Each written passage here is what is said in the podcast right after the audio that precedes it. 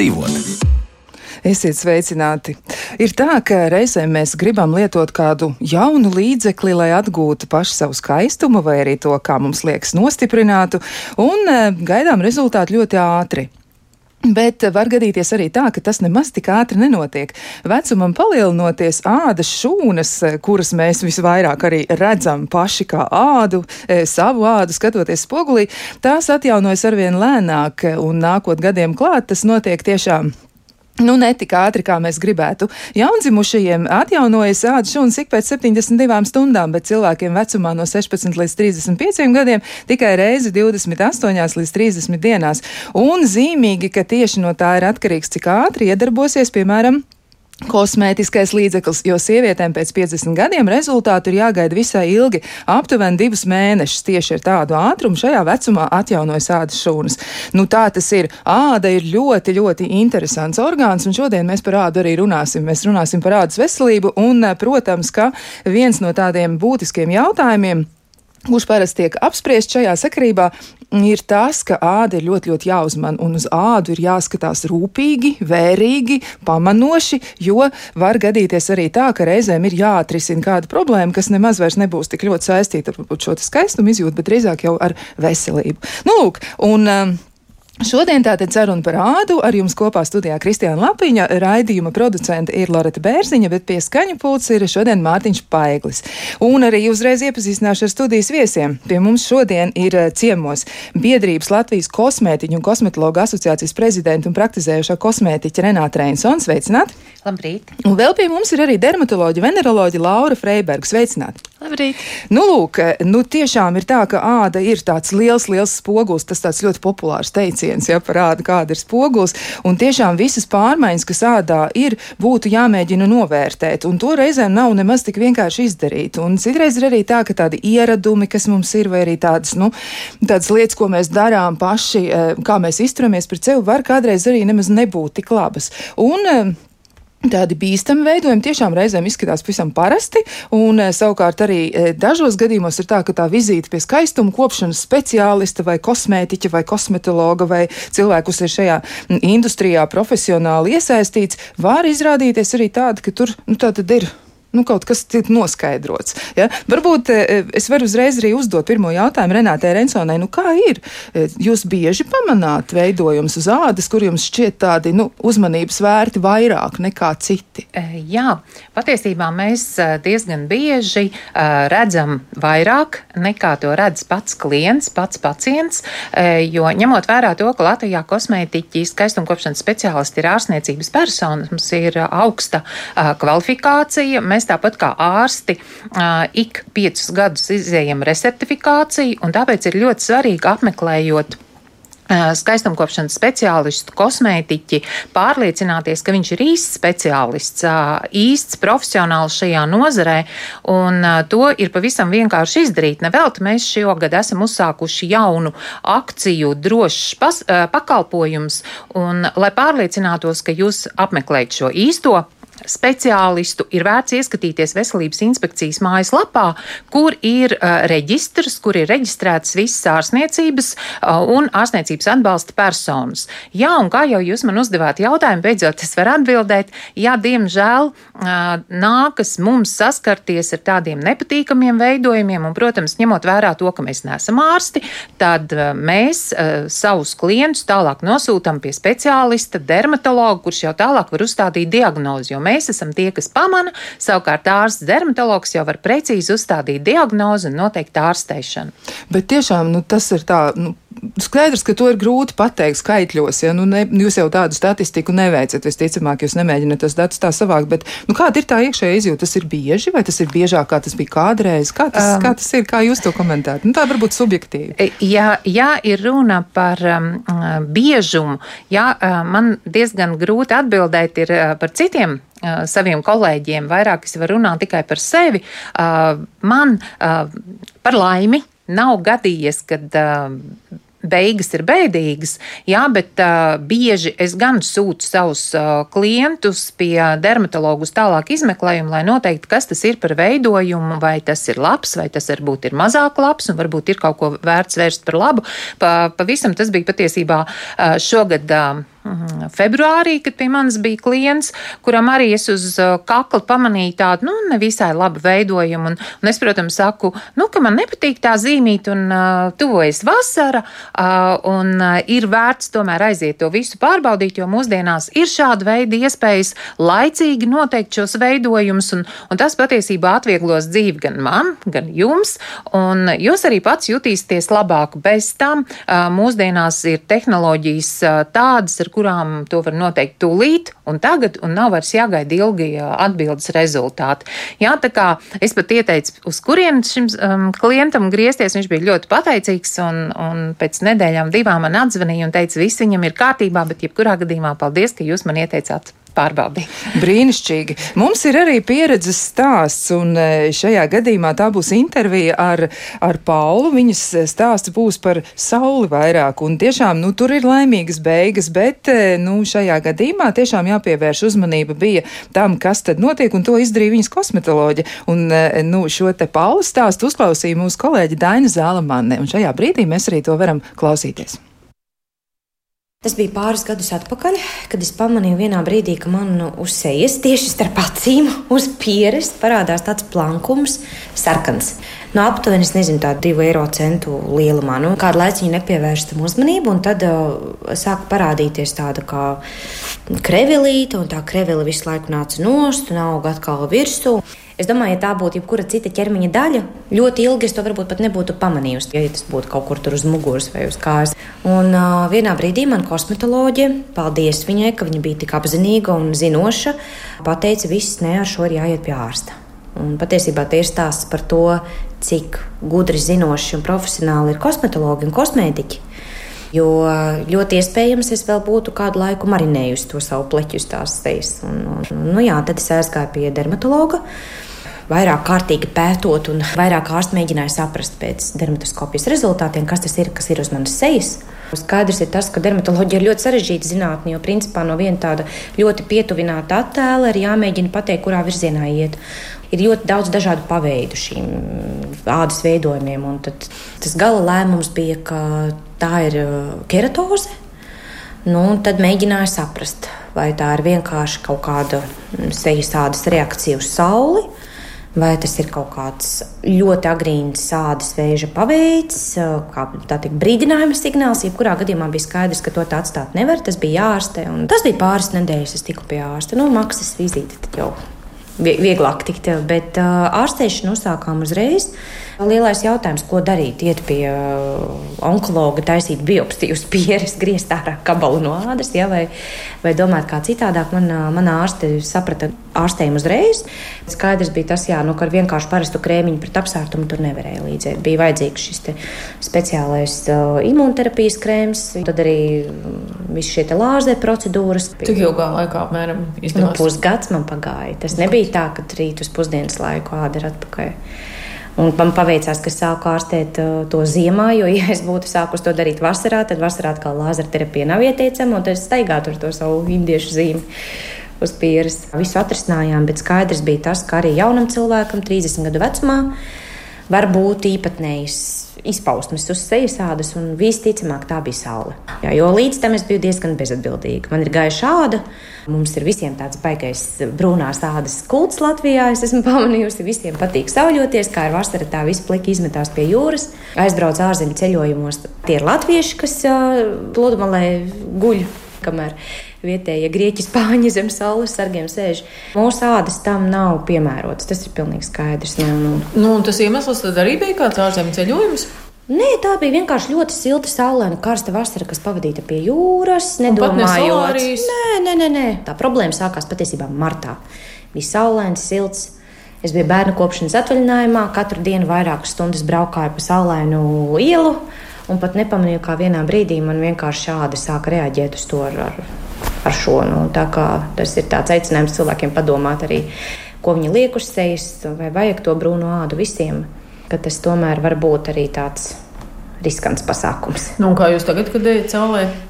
No 1. mārta līdz 1. oktobrim 50 SPF krēmi katru dienu, pie jūras 100 SPF, kalnos, ja būtu, tad arī 100 SPF. Nu, ļoti uzmanīgi. Patiesībā jau arī ļoti novecota. Kad kārtīgi sauļojas, tad mums ir tādas skaistas rozīnītes, jā, sažūšas. Man gribās, lai tā āda ilgāk ir gluda, un tāpēc arī tādā ziņā es ņemu vērā tos dermatologu ieteikumus. Nu, rekā, tas bija Pauls stāsts. Paldies eh, kolēģei Denai Zalmanē un arī Paulē par to, ka viņi izstāstīja, kā tad viņai ir klājies. Un tiešām, nu, tāds diezgan, nu, mūsdienās jau liekas diezgan tipisks stāsts. Un ja mēs runājam par tiem veidojumiem, tad varbūt šajā mirklī arī ir jāiesaista dermatologs mūsu diskusijā, mūsu sarunā. Nu, kā tad ir? Ja, atkal, eh, varbūt mēs varam sākt ar to, cik bieži tad pie jums atnāk cilvēki, kur ir bijuši tieši pie kosmētiķa vai kosmetologa un saka, re, kur man teica, man vajadzētu atnākt. Jā, īsnībā no kosmētiķa kosmetoloģiem un kosmētiķiem nāk pacienti, un tas ir tiešām patiesa prieks, kad arī citi speciālisti pamana veidojumus. Un, tiešām ļoti, ļoti, ļoti priecājamies un novērtējam to, ka ne tikai mēs pievēršam uzmanību ādai. Uh, jā, nāk pacienti, manā pieredzē ir tiešām Bet ne tikai kosmētiķi, arī no masieriem, piemēram, kuri masējo tādu pamanu, kādu veidojumu, protams, viņi tālāk nevar izvērtēt, vai tas ir labdabīgs vai ļaundabīgs, bet viņš redz, ka viņš ir atšķirīgs, viņš ir, viņš ir nesmuks. Un, un uzreiz sūta pie mums, un tiešām patiesa prieks, ka, kad citi speciālisti to zina un ka ir tālāk jāizmeklē, nevis paļauties uz to, ka veidojums nesāp, veidojums neasiņo, tad jau viss ir kārtībā. Un papildus tam vēl, piemēram, muguru pacients pats neredz. Un šis masieris var tālāk tā, to pamanīt un tālāk pie mums nosūtīt, kas arī tiek darīts patiesi prieks. Jā, tiešām ļoti labi, ka tā ir un ka speciāli savstarpēji tā ļoti, ļoti cieši sadarbojas un tādu pamanīšanu, tas laikam ir pats svarīgākais. Bet eh, varbūt jūs varat arī uzreiz raksturot šo daudzveidību, ja, jo arī, nu, arī mūsu mm, intervijas varoni tieši tāpat atzina, ja, ka tur, nu, kur tad cilvēks pats var norientēties, ja, nu, patiešām tie veidojumi ir tik daudz un dažādi, ja, un tad arī ir tā, ka, eh, nu, piemēram, uz pieaugušu ādas vidē ir no 30 līdz 100 dzimumzīmītēm, ja, ne, tu tur saproti, ja, kur ir kāda, ja, pie kuras sugas viņi tur piedara un kā viņi tur, kā viņi tur uzvedās. Tad, um, nu, kā var to daudzveidību raksturot? Kas atšķir varbūt šos te labos no ļaunajiem? Pats svarīgākais, kam jāpievērš uzmanība, tas ir tā saucamais neglītā eh, pīlēna sindroms. Respektīvi, ja uz ādas ir jā, daudz veidojumu, bet tomēr viens atšķirās ar kaut ko, un tas var būt pilnīgi jebkas - krāsa, forma, nu, jebkas, kas piesaista uzmanību. Tas ir uzreiz mājiens, ka ir jādodas viņš pārbaudīt pilnīgi jebkas. Nav jālasa internetā tiešām tās ABCD pazīmes. Nē, tas bija jau senos laikos ABCD pazīmes 1985. gadā, kad tika tāds algoritms vispār pielietots. Ne mūsdienās. Mūsdienās ir jebkas, kas piesaista uzmanību. Uzreiz tas ir jāpārbauda, un tikai mēs, izmantojot speciālas ierīces, varam noteikt, labs vai slikts, vai potenciāli slikts. Tad tālāk varam izvērtēt, kāda ir turpmākā vēl rīcība.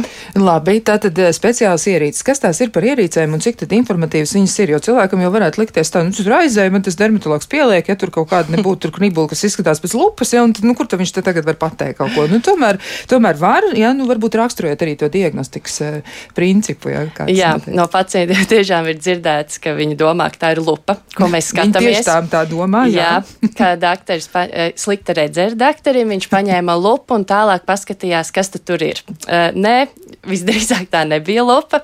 Ir tāda speciāla ierīce dermatoskops, kur mēs redzam jau sīkāk, faktiski jau šūnu līmenī, kādas, kādas ir šīs izmaiņas šajā elementā. Un tāpēc mēs arī mācāmies daudzus gadus un atpazīstam, kuras kādas ir labās pazīmes, kādas ir sliktās un kas tas pa veidojumu, kāds vispār nosaukums ir. Tātad, jā, šī ir optiskā dermatoskopija, tāda maza, maza salīdzinoša ierīce, kur mēs redzam, varam izmantot arī digitālo dermatoskopiju, kur jau mēs varam saglabāt šo attēlu un tālāk dinamikā izvērtēt, vai viņš mainās, nemainās. Un tad vēl kā izmeklēšanas metode, tā ir, ka mēs ņemam mazu gabaliņu no veidojuma, tā ir biopsija, un sūtām eh, histoloģiski, lai tiek izmeklēts eh, mikroskopā jau, kādas ir šīs šūnu pārmaiņas. Tā tad eh, ļoti, ļoti labas iespējas ir diagnosticēt to, kas īsti tur notiek. Nu, ja mēs runājam par tiem cēloņiem, arī eh, intervijā bija tāds, eh, nu, tāds mājiens uz sauli, jā, bet, nu, jāsaka arī tā, ka realitātē ir cilvēki, kuriem ir mm, ļoti sliktas attiecības ar sauli, un savā ziņā tas ir labi, bet tas viņiem neniek nav palīdzējis, jā, jo viņi staigā ar cepurēm, smērēs ar krēmiem, neiet saulē, un vienalga viņi tiek pie, nu, tāda ļoti nelāga veidojuma, kur pēc tam, nu, viņiem tā problēma ir jārisina, jā, bet tomēr Domājot par tiem biežākajiem cēloņiem, kas ir tie veicinātāji faktori, varbūt tad jūs varat arī komentēt. Es būtu sākšu ar dermatoloģiju, noteikti arī mm, pēc tam. Kolēģei būs ko piebilst par šo. Jā, numur viens tā tiešām ir saules gaisma. Uh, ultravioletie stari īstenībā nekas tāds labs mūsu ķermeņa ādai, nekas labs tas nav. Uh, tas, ko mēs nesaprotam, ir tas, ka mēs domājam, ka tas ir, ko es pēdējā gada laikā darīju, vai pēdējos trīs gadus. Nē, Tas ir saules starus, mēs krājam visu mūžu. Sākot jau no bērna kājas, mēs krājam, krājam, krājam. Un, kad šis noteiktais daudzums ir sakrāts, tad, diemžēl, šie nelabvēlīgie veidojumi faktiski var teikt nāk ārā. Un tas nav, ka, ko pēdējo gadu esmu darījis. Nereti vizītes laikā arī pacienti saka, bet kā, kāds var būt mans saules izraisīts? Es taču pēdējos piecus gadus jau esmu pārcēlies uz pilsētu, pieskatu mazbērnus, nekāda saule man nav, bet tad ir jautājums, ko jūs darījāt kādreiz? Ā, nē, nu kādreiz es strādāju uz lauka, visu dienu uz laukas lielos saules staros biju, bet tas jau bija kādreiz. Tas jau nav tagad. Tagad jau man viss ir kārtībā. Tā kā nav tā sākuma pat ticība, ka tā tiešām ir galvenais saules izraisīts. Tā kā numur viens tā ir saule. Labi, kas vēl? Nu, labi, nav, bet nu, tā mēs saprotam, ja, ka tas, tā, tā ir daļa no atbildes. Bet kas vēl varētu būt tie veicinošie faktori? Jau, jau Paula pati minēja to, ka uh, viņa staigājot ar bērniņu. Uh, daudz atradās saulē, bet jau tas vārds bērniņš, tātad tā bija grūtniecība, tās bija hormonāls izmaiņas organismā.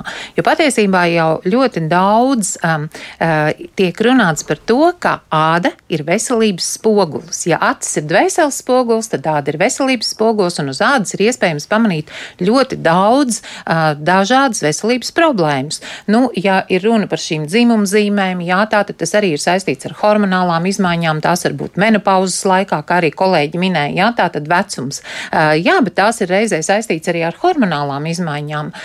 Tāpat pēdējā laikā ļoti plaši tiek runāts par kuperozi, kas ir cieši saistīta ar gastro problēmām. Jā, tātad kuņģu zarnu trakta problēmas. Jā, tas arī tiek parādīts uz sejas ādas.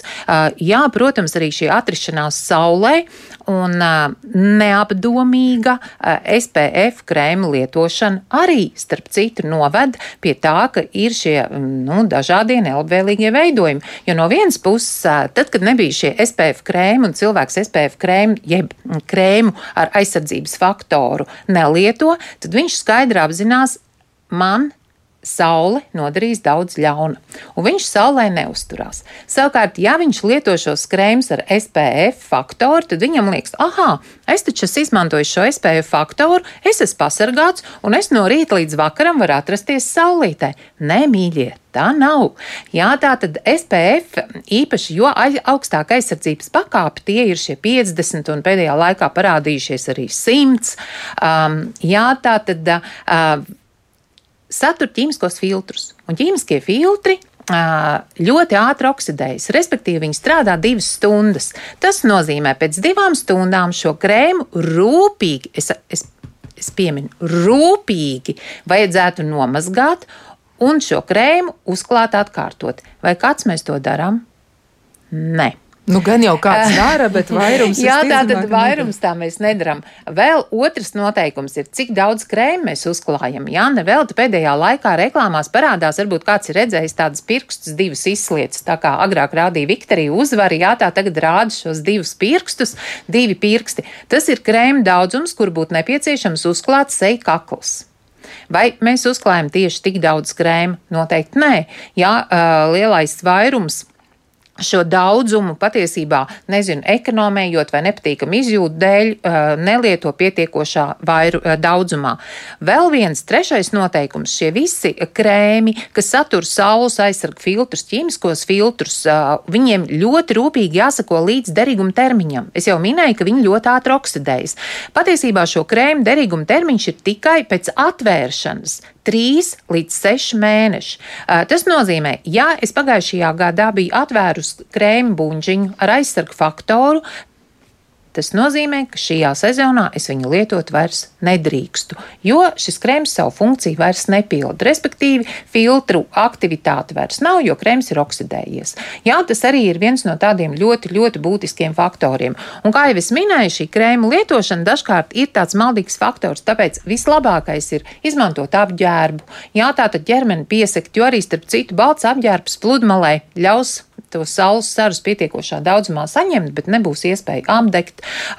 Vēl viens ļoti labs ieteikums - neatrasties saulē. Tiešos saules staros, tad, kad saulīte ir tieši zenītā, ja vienkārši to ir pārbaudīt, mēs te parasti minam to laiku no tikiem līdz tikiem, bet tas vienkāršākais - nostājieties saulē un skatieties, cik gara ir jūsu ēna. Ja ēna ir īsāka nekā jūsu augums, tas nozīmē, ah, saule ir zenītā un šajā laikā atrasties saulītē nav ieteicams.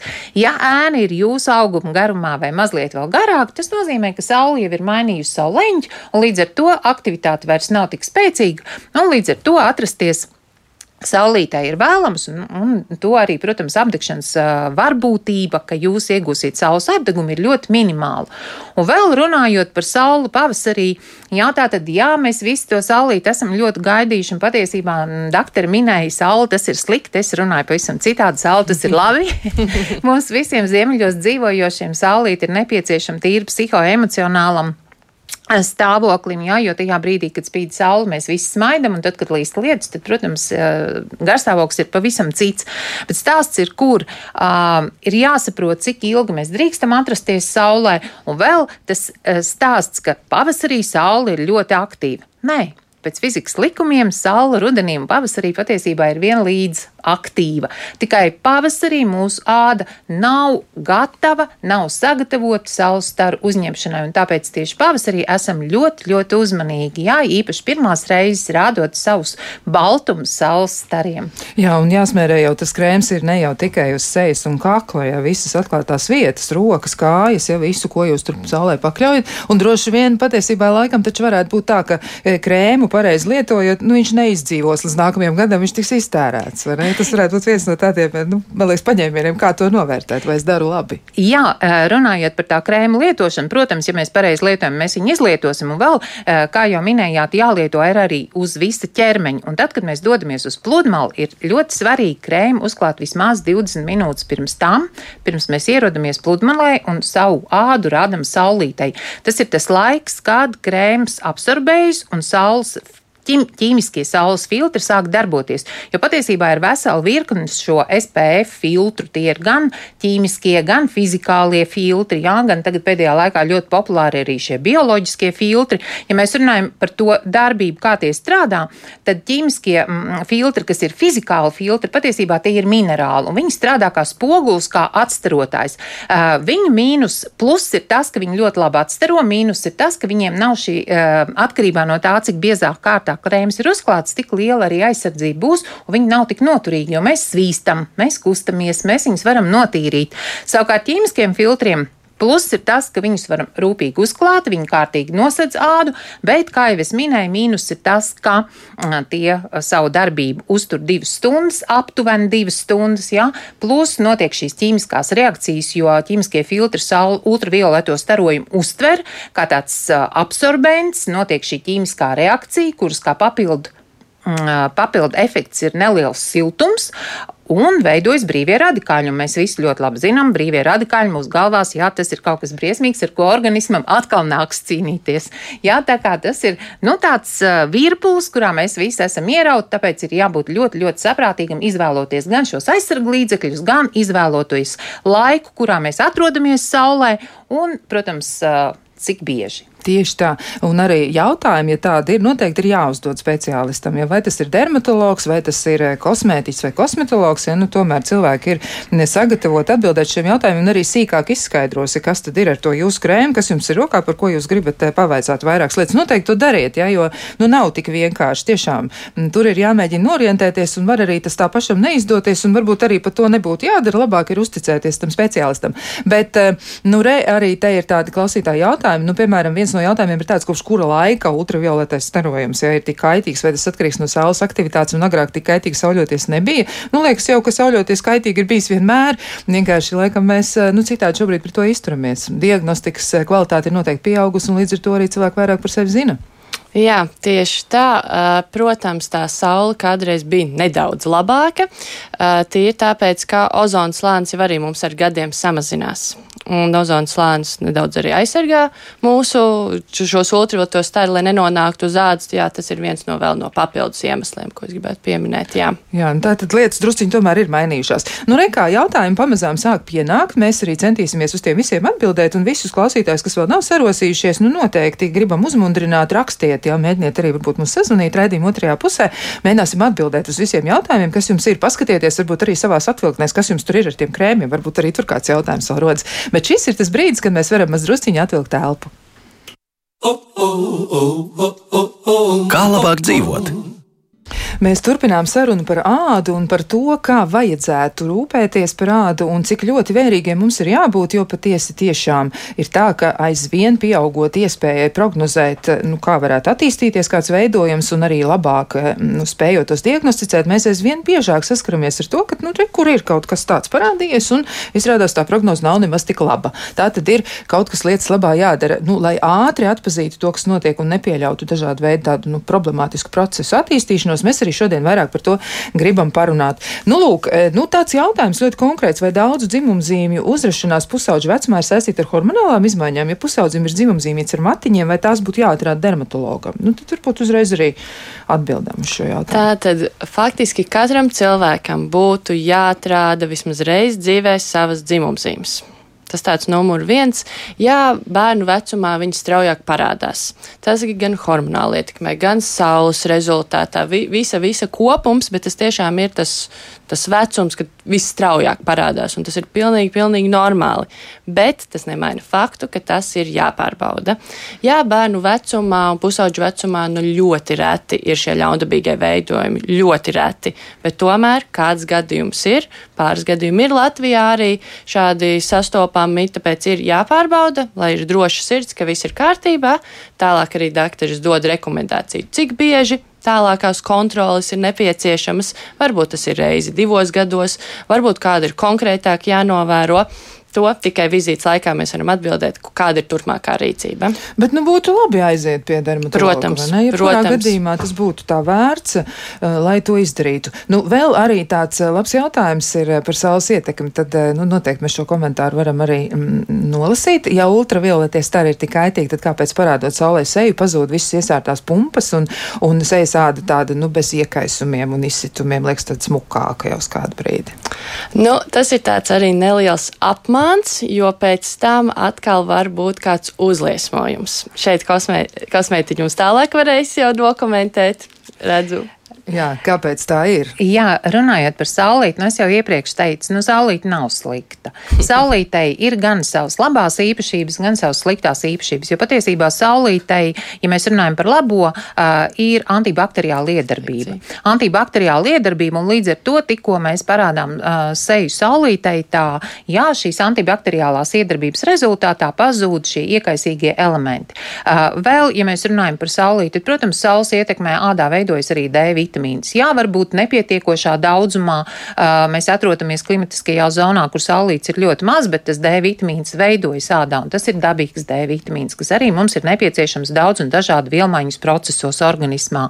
Vēl saulīts labā īpašība Ja mēs runājam, ka es jau iepriekš minēju, tas ir tas psihoemocionālais. Jā, un ja šis psihoemocionālais, ja tu esi labāk garstāvoklī, tev ir mošs noskaņojums, protams, arī organisms kopumā, jā, veselība uzlabojas. Vēl saulītē, saules iedarbībā veidojas šis iedegums, ko mēs saucam. Jā, tā ir patiesībā tā ādas dabīgā paša aizsardzība.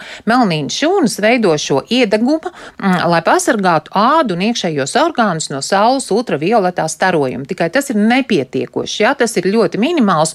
Un tad atkarībā no tā ādas tipa, jā, tā mēs daudz un dikti varētu runāt atkarībā no ādas tipa, mm, ir gaišākā āda, tumšākā āda pēc fit. Fitzpatrika, jā, tā tad ir šīs sešas klases, um, kas tiek iedalītas un uh, veidojās šis uh, SPF melnīnam, sākot no 15 jā, līdz pat 30 eh, procentiem jāpasargā iekšējos orgānus un ādu no saules apdeguma.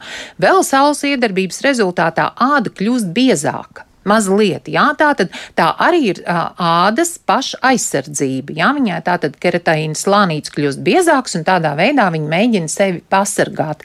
Jā, kas arī savā ziņā, nu, tā āda mazliet izmainās. Un, protams, arī iedegums vienmēr, tad, kad ādiņa ir mazliet iedegusi, nav vairs blā, bāla, jā, tā tad izskatās, mēs sakām, mazliet veselīgāk, jā, kaut gan uh, ir zemes, jā, kur tieši šis aristokrātiskais balst, baltums tiek vērtēts visaugstāk. Nu, tieši tā, nu, aizbrauciet uz Ķīnu kaut vai paskatieties, ja tur cilvēki, kas ir ar, ar gaišu ādas krāsu, ja droši vien, ka viņi var justies ļoti, ļoti pašpārliecināti, jo tur tas tā ļoti, ļoti augsts tiek vērtēts.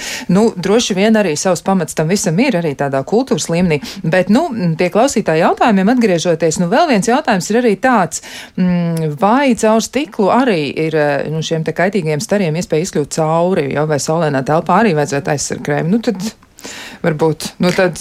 Jā, runājot par, par stiklu, jā, ja mēs runājam par saules starojumu, tas ir elektromagnētiskais starojums. Jā, un elektromagnētiskajam starojumam tas no fizikas tie, kas šobrīd mācās skolā vai savā laikā ir mācījušies skolā par um, elektromagnētisko starojumu, ļoti labi zina, kā tam ir spēja izspiesties cauri jebkuram uh, tātad materiālam, un tā skaitā arī stiklam. Protams, tas vairs nav tik spēcīgs, ja, un ja mēs uzskatām, ka uh, mēs visu dienu atrodamies telpās un tuvu logam, arī varam reiķināties ar to, ka uh, mūsu āda saņem zinām devu ultravioletā starojumu. Nevēl kaut kur internetā kāds var pameklēt un atrast, ir tas šofers.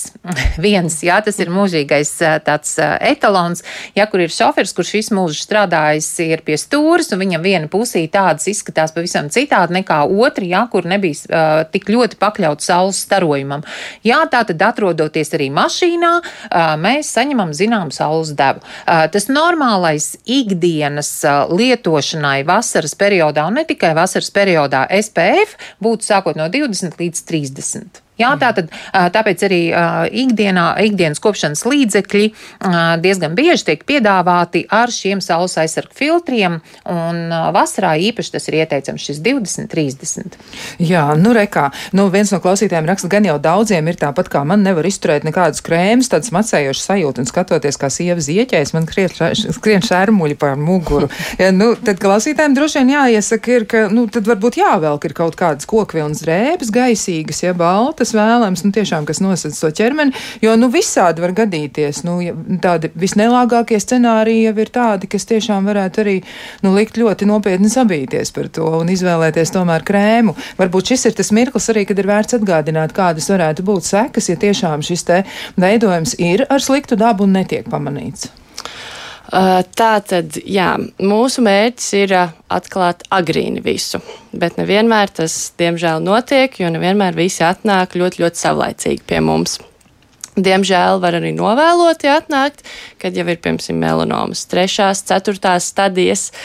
Tad, uh, diemžēl, mēs nevaram tik vienkārši tikt galā. Nav tikai tas, ka mēs ķirurģiski izņemam ārā veidojumus, tālāk jau ir vai nu imūnterapijas, vai nu mērķterapijas, kur tālāk ar onkologu sadarbību tiek risināts šīs lietas, bet uh, tas nav ātri un arī dzīvīldze ir ir samazinātāka, nu, tas ir ļoti, ļoti liels risks. Jā, nu, vēl arī tāds jautājums, vai tieši saules aizsarga krēma no tie, kas izraisa melanomu. Jā, nu, tāds, eh, jā. Uh, šo noteikti arī ir jāatbild. Jā, uh, nē, saules aizsarga krēmi neizraisa ļaundabīgu audzēju veidošanos. Tas ir pierādīts, ka kad nav nekādas saistības ar to. Tā kā pilnīgi nepareizs apgalvojums. Pilnīgi nepareizs apgalvojums. Tieši tā, nu tāds mīts, ja, kas Jā. klīst, un tad to mītu mēs mēģinām apgāst. Vēl ir viens jautājums arī, ko tad darīt vasarā, ja ir psoriāze uz galvas, muguras un krūšu daļas, vai saule var tikai kaitēt? Ja? Nu, šis ir klausītāja jautājums, un droši vien arī dermatologs var komentēt. Jā, saule palīdz psoriāzes pacientam, bet tas nemaina faktu, ka tāpat tam tiek, tiek uzkrāti šie papildus ultravioletie stari. Tā kā jā, mēs nedaudz palīdzam ādai, ultravioleto staru ietekmē, bet to nedrīkst aizrauties ar to. Jo āda jau nezina, ka mēs ārstējam viņu dēļ psoriāzes. Viņa turpina uzkrāt un ir atkal mums risks uz audzējiem. Jā, nu varbūt par, par to tehniku tieši kā tad uh, notiek dermatologa konsultācija. Nu, mēs vienu lietu jau apspriedām par to, ka ir instrumenti un ir tādi paņēmieni, ar kuriem var ļoti, ļoti labi precīzi noteikt to, kas tur ir mm, parādījies. Bet, uh, nu, jautājums no klausītājiem ir tāds, vai dermatologs konsultācijas laikā arī skatās visu ķermeni, jā, jo iespējams, nu, tiešām klients pats aizdomīgu veidojumu nav pamanījis. Un, uh, nu, tāds tehnisks dabas jautājums, kur mēs nekādus ciparus nenosauksim, un to mēs darīt, diemžēl, nevaram. Bet vai ir jāmaksā par katras vienības veselības pārbaudi. Nu, cik mana atmiņa stāsta, manējā, mana personiskā pieredze, nu, ka tas dermatologs ķerās klāt ar to savu e, pētāmo rīku, tad viņš tur iziet cauri visam. Jā, viņš man, mani apēta no galvas līdz kājām vienā reizē un neko lieku par to neprasa. Jā, tā ir pilnīgi pareiza prakse. Tā arī mēs darām mēs uh, klīnikā tā strādājam, jo ir pierādījies, ka pacients atnāk ar vienu veidojumu, kas viņu satrauc, bet tomēr mēs uh, palūdzam izģērbties visam, jo uz muguras pacients nezina, kas viņam atrodas. Un nereti ir gadījies, kad atnāk ar vienu veidojumu, kas ir pilnīgi labdabīgs, viss ar viņu ir labi, viss ir kārtībā ar veidojumu, bet mēs atrodam divu milimetru mazu punktiņu, kas mums nepatīk. Un pacients nesaprašanā, man jau viņš nesā, viņš netraucē, ko jūs viņam vispār pievēršat uzmanību. Un izrādās, ka beigās tas ir tas neforšais veidojums, kur, no kura ir jāatvedās. Jā, nu reizēm ir arī tādas ļoti grūti risināmas situācijas, no tāda viedokļa, ka tādas prasa zināmas smalkjūtība, jā, bet var arī būt tādās vietās, jā, tie veidojumi, nu, kas tā liekas, nu, kā tad es šito ārstam rādīšu, jā, bet, nu, arī tā var būt arī pat citas specialitātes ārsti, reizēm arī ginekologi, urologi, ja, kur pamana uz dzimumu orgāniem kādas veidojums, arī tas ir noteikti jāparāda, jo arī tur var gadīties, nu, kad ir kaut kas tāds nelūgtais viesis, jā, viņš Tieši tā ir jāparāda faktiski visas ķermeņa vietas mums. Jā. Jā. Kas ir tas, kas jums ir aizdomīgs? Ja nu šajā gadījumā to kautrību vajadzētu pārvarēt, ja, mēs esam ārsti, mēs jā. visu skatāmies, nav jākautrējas droši, viss ir jārāda. Arī sūta jā, no ginekologiem mums Protams, visu apskatāmies, nav jākautrējas. Jā, nu, lūk. E, nu, tad vēl ir arī tāds jautājums, piemēram, par D vitamīnu lietošanu. Vai tas kaut kādā veidā ietekmē, e, nu, teiksim, ādas reakcijas un kā vispār D vitamīnu lietošanu, jo mēs tiešām, nu, esam daudz dzirdējuši arī dažādas ieteikums, ka jālieto D vitamīns visu gadu, jo mēs tiešām dzīvojam tādā vietā, kur tā saule ir ļoti, ļoti maz. Jā, nu, kā tad ar to? D vitamīns ir mums papildus jāuzņem, jo tikai ar sauli mēs nevaram nodrošināt to, kas ir vajadzīgs mums organismam. Visu nevar uh, iegūt tikai dēļ saules. Obligāti ir papildus piekrītu visu gadu jāuzņem D vitamīns. Ar uzturu mēs nevaram tik daudz uzņemt, tomēr ir papildus, papildus nopērkamie, kas ir aptiekās jālieto. Ir jālieto, bet nu, tā tad nekādas ļaunas sekas tam nebūs, un jau ne. tad to devu mierīgi mēs varam tur izpētīt. Jā, pielāgo ir katram sava deva, ir jāuztais asins analīzēs, jānoskaidro, kāds ir šobrīd. Uh, šobrīd šis D vitamīns, tad dakteris pielāgo šo devu un atkārtojam analīzi pēc trīs mēnešiem, lai redzētu, kā, kā ir noreaģējis organisms. Jā. Ātrāk nav nepieciešams. Ātrāk nav nepieciešams. Labi. Nu, vēl tāds jautājums ir cauri gadsimtiem cilvēki ir baudījuši sauli vai nu tāpat vai strādājot, un tāda SPF krēma nemaz nebija, un kāpēc tagad būtu jālieto šie krēmi saulē? Jā. Tur ir zināmas pārmaiņas notikušas. Jā, runājot par, par mūsdienu pasauli un senākiem laikiem, protams, pirmkārt jau arī mēs jau te studijā runājām par to, kā agrāk saulīte nebija tik kaitīga, šobrīd ir kaitīga. Saule ir bijusi kaitīga vienmēr. Jā, šis starojums vienīgi iepriekš nebija iespējams noteikt, cik tas ir kaitīgi, nebija šīs diagnostikas iespējas, nebija mērierīces, ar kuru palīdzību varēja noteikt, cik tad ir intensīvs šis saules starojums, cik spēcīgs ir šis saules starojums. Runājot par SPF krēmiem, patiesībā jau SPF krēmus lieto jau ļoti, ļoti sen, jo ir virkne dabīgi līdzekļi, kas pilda šīs SPF funkcijas. Nu, piemēram, koksrieksteļa Jā, ja mēs visi ļoti labi eh, zinām taizemi, jā, taizemē cilvēki dzīvo jau gadsimtiem ilgi, eh, viņi kā dabīgo SPF izmanto koksrieksteļu. Protams, koksrieksteļi tas nebūs SPF 100, tas nebūs SPF 50, bet viņi pilda šīs funkcijas nevelti. Jā, atrodoties, šajās zemēs, vienmēr arī saviem klientiem saku, izmantojiet, jā, tātad vietējos šos līdzekļus, matus, iesmērējiet, jā, tātad, jo cieši jau ne tikai āda, cieši arī mati. Jā, tā tad ar šo kokusrieku steļu arī peldoties tādā veidā jūs pasargāsiet ādu no saļā ūdens skaitīgās iedarbības. Jā, tā tad tā nekļūst tik ļoti sausa. Tā kā arī, nu, iepriekš ir bijuši līdzekļi, tikai varbūt viņus nedefinēja kā SPF līdzekļus, jā, bet viņus vairāk definēja kādas kopšanas līdzekļus. Jā, nu vēl jautājums arī par to, vai ir tāda statistika, salīdzinošā statistika dienvidu valstis un, piemēram, ziemeļnieki, ja, nu kā tad viņiem klājas, ja, jo, nu, ka, ja saule ir tiešām ar šo kaitīgo dabu, e, tomēr tad, nu, vai, vai ir kaut kādas atšķirības, ir kaut kādi dati par to pieejami? Vai, vai dienvidos vairāk cilvēku, jo Austrālija izceļas ar to, ja, ka viņiem tiešām ir daudz reģistrētu ļaundabīgu gādas veidojumu cilvēkiem. Un tas ir saistīts tieši ar to viņu nu, novietojumu, ja tur ar to ozonu slāni ir kā ir. No Austrālija, diemžēl, ir trāpījusies tajā vietā. Jā, un svarīgs ir arī ādas fototips vispār. Jo ir gaišāka āda, jo mums ir lielāks risks uz ļaundabīgiem veidojumiem. Tā tad noteikti jāuzmanās. Gaišās acis, gaišās ādas, gaiši zilās, zaļās acis, blondie mati, ja vēl daudz vasaras raibumi paaugstināts risks. Tie ir visi riska faktori mums. Jā. Vēl es tikai piebildīšu, ka es savā laikā pētīju šo lietu jā, par, par um, dažādu ļaundabīgu veidojumu attīstību dažādās valstīs. Un, jā, tas jau kā doktori minēja, jā, tā tad ir šis, pirmkārt ir šis fototips, bet vēl otrs arī tur, kur tiek minēti šie statistikas dati, ir jāskatās, kāda ir vispārējā veselības aprūpa valstī. Jā, jo, piemēram, Norvēģijā ir, jā, viņi ir baltie cilvēki, bet viņiem ir ļoti laba profilakse, ļoti laba aprūpe, medicīnas aprūpe. Ja mēs runājam arī par to pašu Austrāliju, viņiem arī ir ļoti augstā līmenī veselības aprūpe, Tas nozīmē, ka ļoti ātri šie veidojumi tiek diagnosticēti un uzskaitīti. Savukārt Āfrikā Jā, tā tad, kur varbūt veselības aprūpe nav tik augstā līmenī, arī šiem cilvēkiem ar šo sesto fototipu, jā, tā tad viņiem ir tumša āda, arī viņiem ir ādas problēmas, arī viņiem ir ādas vēzis, bet varbūt šeit netiek veikta tāda diagnostika. Tā kā precīzi mēs, nu, mums ir ļoti grūti noteikt, jā, tātad, kas ir pie vainas. Jā, protams, kā jau mēs minējām, tas ir šī gaišā āda, jo viņai ir ļoti vāja aizsardzība pašai no sevis. Jo patiesībā, ja āda ir ļoti gudra, viņam māk sevi aizstāvēt, jā, tas iedegums, ādas sabiezēšana, atrodoties saulītē, tā jau ir tā ādas aizsardzība. Bet tas ir tāds, nu, ļoti minimāla aizsardzība. Tā kā mums viņai ir jāpalīdz, lai mēs būtu veseli.